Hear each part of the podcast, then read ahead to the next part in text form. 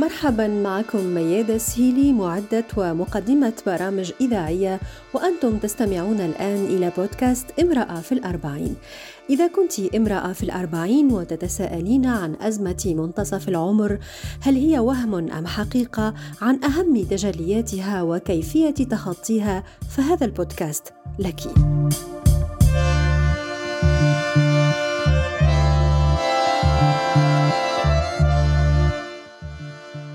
لا يوجد شيء مخيف بشأن بلوغ سن الأربعين. تصبح الحياة مجزية أكثر عندما نكبر.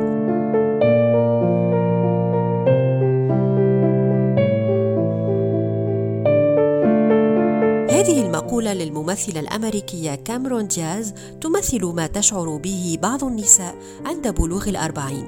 فلا تفزع كل النساء كلما أضاف الزمن رقما جديدا إلى سنين عمرهن. ولكن العمر وإن بدا رحلة ممتعة للبعض يظل أحيانا شبحا يطارد النساء فتخاف أن تقع بطاقاتهن في يد أحد الأصدقاء فيفضح ما أخفي عن أعين المتطفلين. التقدم في السن عملية طبيعية يمر بها كل إنسان.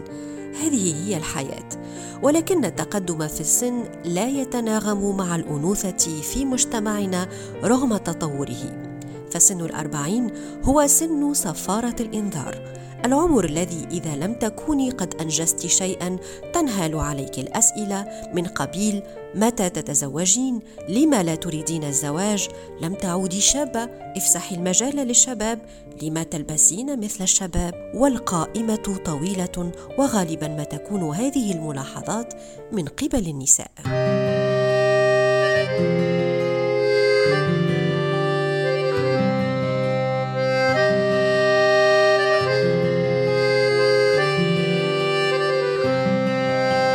أظهرت دراسة أجرتها شركة Brandwatch عام 2016 أن النساء كن أكثر عنفا تجاه النساء الأخريات وأنهن هن من أرسلن أكثر التغريدات إهانة وتعليقات على إنستغرام وفيسبوك وليس الرجال 52% من التغريدات المعادية للنساء كتبتها النساء كما توصلت دراسة أنجزتها جامعة أريزونا الأمريكية إلى أن عدو المرأة المرأة نفسها خاصة فيما يتعلق بالتجاوزات اللفظية التي تحدث بحق النساء والتي تأتي عادة وغالبا من نساء مثلهن فهل المرأة عدوة المرأة؟ طرح هذا السؤال العديد من المرات على عدد من الناشطات النسويات والمفاجأ أن أغلب الإجابات تتفق على نعم. ترجع الصحفية المهتمة بشؤون المرأة هدى أبو نابوت في حديث لصحيفة إلكترونية السبب الأول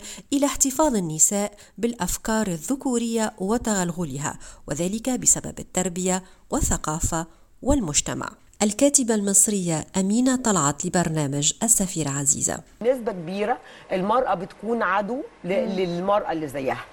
آه، آه، بنسبة كبيرة. لنفسها قصدك يعني. آه، ما هي لنفسها وللي زيها, زيها آه. يعني مثلا لما تكوني مذيعة مشهورة وليكي وضعك المرموق لازم أطلع فيكي حاجة شوفوا أصلها مش عارفة أكيد إيه ولادها فاشلين. بتاع. أصل جوزها قرفان منها. أصل مش يا ليه؟ والإشاعات تطلع. طبعا إحنا بنعاني من الستات أكتر من الرجالة. بالمناسبة الرجالة بي بي يعني لو أنت هتفرضي عليهم وضع هيقبلوه. إنما للأسف اللي بتراعي القيم الذكورية بنسبة عالية جدا في مجتمعنا وفي المجتمعات الخارجية بالمناسبة هي المرأة.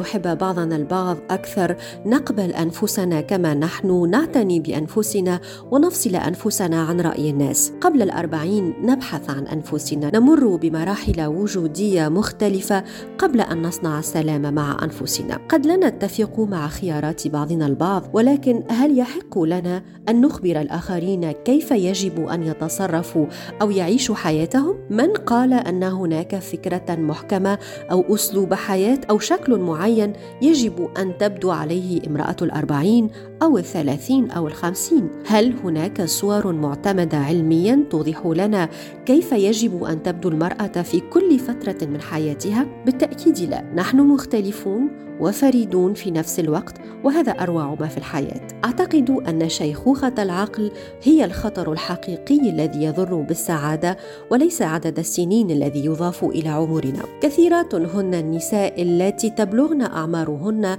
ستين وسبعين عاما وأكثر ولتمتعهن بعقلية متفتحة وفلسفة إيجابية للحياة تعطينا لمن حولهن أجنحة حقيقية. فأفضل علاج لشيخوخة العقل هي أن نعيش بشغف. في مجتمع يتم فيه الحكم على النساء باستمرار قد حان الوقت الآن لأن نتوقف نحن النساء عن التواطؤ في هذه الأعمال القمعية والعنيفة لا يجب أن يتخلل سن الأربعين لديك سيدتي وخاصة أنوثتك ثقل المجتمع وانتقادات الأشخاص وآراء لا تعبر إلا عن مرض أصحابها.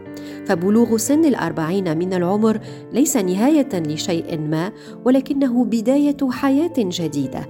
أنت الشخصية الرئيسية فيها وأعتقد اعتقادا راسخا أن الانسجام مع الذات يساعدنا أن نضيء مهما كان عمرنا. فالخوف من الشيخوخة هو الذي يجعلنا نتقدم في السن بسرعة. شكرا على المتابعة. لا تنسوا الاشتراك في هذا البودكاست ومشاركته إذا أعجبكم في وسائل التواصل الاجتماعي.